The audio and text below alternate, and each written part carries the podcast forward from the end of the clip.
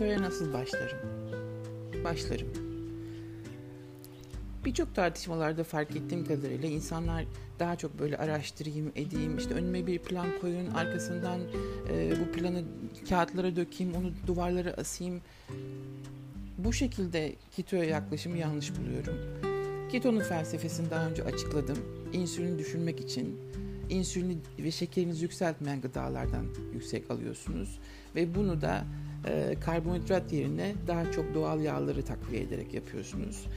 Keto'nun makroları belli.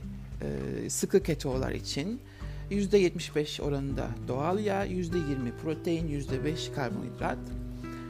Bu makroları genel günlük aldığınız kaloriye böldüğünüz zaman atıyorum mesela 1500 kaloride %75 yağ oranı yaklaşık 100, 100 125 e, kaloriye denk geliyor ketoda. %20 protein 300 kaloriye denk geliyor. %5 karbonhidrat 75 kaloriye denk geliyor. Bunu da bölüyorsunuz. Mesela 1 e, gram yağ 9 kalori verdiğine göre 1125 kalorilik yağ için yaklaşık 125 gram yağ yemeniz gerek. 300 gram protein için böldüğünüz zaman 4'e 1 gram protein 4 kalori 75 gram protein yapıyor. %5 karp 75 kalori almak için de yaklaşık işte 18 gram kadar 4'e bölüyorsunuz tekrardan 75'i. Gram karbonhidrat yeterli oluyor keto için. Fakat bunu her gün e, birebir metrik şekilde takip etmeye çalışmak insana ayrı bir stres veriyor. Yani ilk başlarda yapıyorsunuz tabii. Alıyorsunuz elinize keto meterleri. E, kan şekerinize bakıyorsunuz. Kandaki keto sayınıza bakıyorsunuz. Kronometreyi kullanıyorum ben app olarak bazen. E, günlük şeylerinizi karşılaştırmak için bu makrolarınızı yerleştirmek için ilk başlarda. Fakat bir süre sonra zaten alıştıktan sonra e, ketoda bu kendini otomatikman yapar duruma geliyorsunuz yani çok fazla kasmaya gerek yok. İnsanların bu e, hayal etmesi, bir şeyleri önce araştırın, bunun bunun denemesi nerede? Bunun işte kanıtı nerede? Bunun bilimsel açıklaması nerede? Çok vakit kaybediyorsunuz ya. Ya hakikaten çok vakit kaybediyorsunuz çok fazla düşünmekle.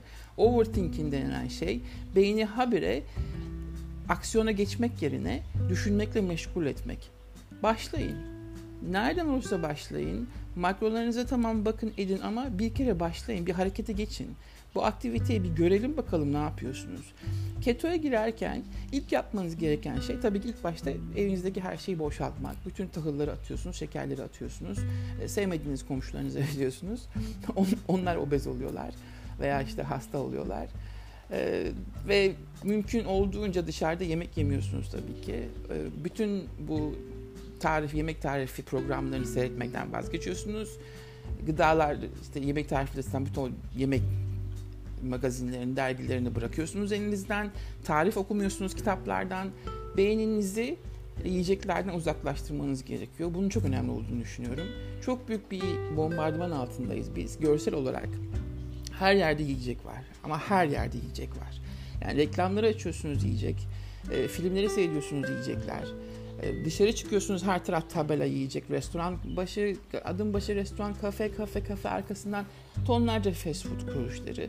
O kadar büyük bir bombardıman altındaki insanlık inanılmaz derecede gözünüzün hakikaten görmesini istemiyorsunuz. Artık kör olma derecesine gelmek zorundasınız. O derece e, kendinizi kapatmak durumundasınız. O mentaliteyi değiştirmek için alışkanlığınızdan kurtulmak için ilk başlarda zorlandığınız nokta bu. Çünkü çok büyük baskı var etraftan. E, bir süre kendinizi izoleye çekmeniz gerekiyor. Kendinizi soyutlamanız gerekiyor. Ve ketonun ilk başlangıcı hareketlerinizdeki o alışkanlıklarınızı değiştirebilmek. Daha önce size niye kahvaltı edilmeyeceğini kalkar kalkmaz e, şekeriniz yüksek olduğu için niye şekerinizi tekrar yükseltmeniz gerekmediğini anlatmıştım. Ana prensipten başlayarak devam ederseniz atıyorum yavaş ilk adımlarla ilk haftalarda kahvaltıyı işte bir saat ileri atıyorsunuz iki saat ondan sonra haftalarda üçüncü saatte geliyorsunuz artık öğlen 11-12'ye süper. Ee, bu arada yediklerinizden bütün o karbonhidratları eledikten sonra geriye kalan işte atıyorum salatanızı, sebzenizi ve etlerinizi yemeye başlıyorsunuz ve buna doğal yağ ekliyorsunuz. Katiyetle bitkisel yağ kullanmıyorsunuz. Onu başka bir söyleşte anlatırım sebebini. Doğal yağlar derken zeytinyağı, tereyağı, hindistan cevizi yağı, avokadonun kendisi veya avokadonun yağı, e, ceviz zaten arada bir yersiniz bir avuç gayet faydalı.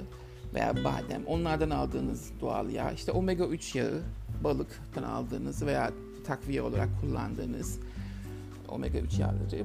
Ve sunflower oil var. Benim bir arada bir kullandığım E vitamini için bu aspi denilen yağ. Bunu çok fazla kullanmanıza gerek yok. Çok az böyle bir çay kaşığı kadar e, omega 6, omega 6'nızı yükseltmek için e, kullanabilirsiniz. Ama çok da elzem değil. Zaten e, genelde hayvansal gıdaların hepsi omega 6, omega 6 yağ içeriyor. Yani çok da önemli değil ama ben arada bir E vitamini için kullanıyorum aspirin. Ee, Hindistan ceviz yağını daha çok antifungal, antibakteriyel olduğu için kullanıyorum. Hindistan ceviz yağının bu özelliği var. Özellikle vücuttaki bakterileri elimine itiyor. Ee, herhangi bir mantar oluşumu varsa kanında gibi bu tür şeylerde işe yarıyor. Ee, pişirmede genelde Hindistan cevizi yağı kullanıyorum. Ama salatalarda falan zeytinyağı kullanıyorum. Yumurta falan yerken tereyağı kullanıyorum.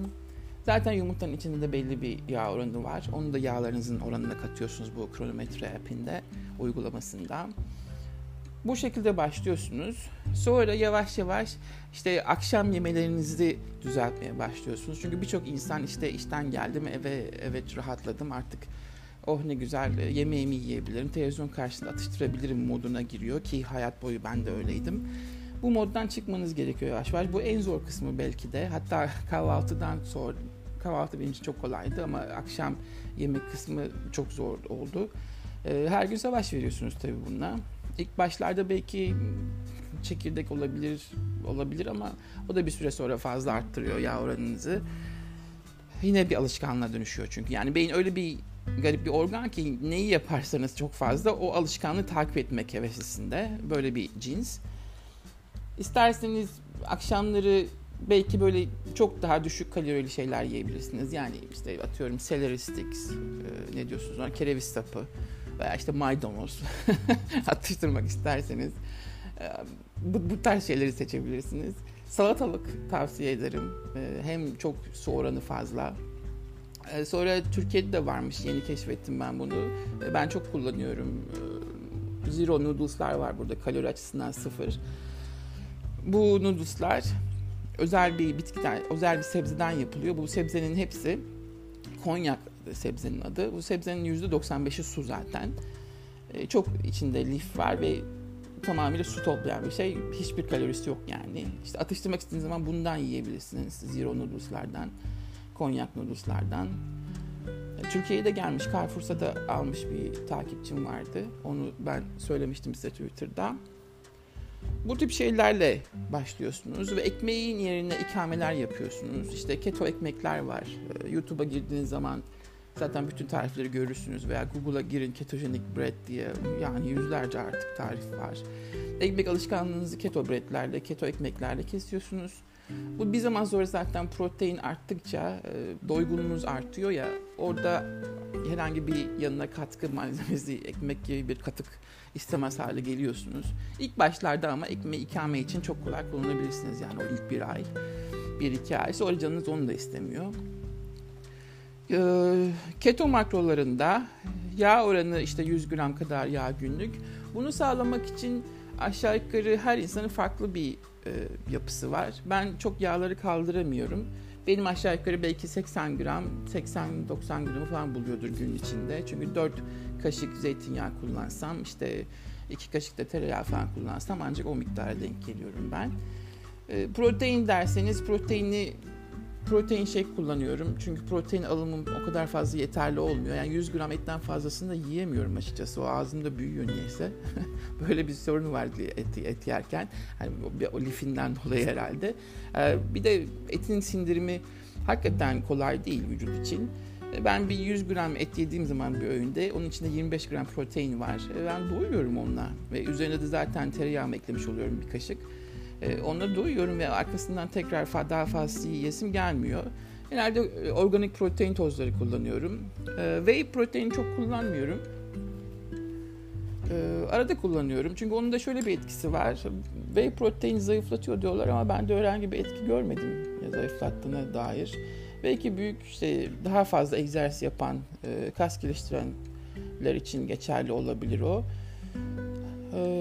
BCA'leri hiç kullanmıyorum. Bu içinde leucin olan işte amino asit tarzı karışımları. Çünkü leucin insülini çok arttırıyor. E, insülinin arttırılması için de BCA hiç kullanmadım. Daha çok izole whey'ni tercih ederim yani kullanmak istediğim zaman BCA'lere. Organik yeşilliklerden tozlarım var. Organik e, sebzelerden yapılmış. E, o tozları içiyorum. Günlük mutlaka mutlaka e, bir bardak yeşil su içiyorum.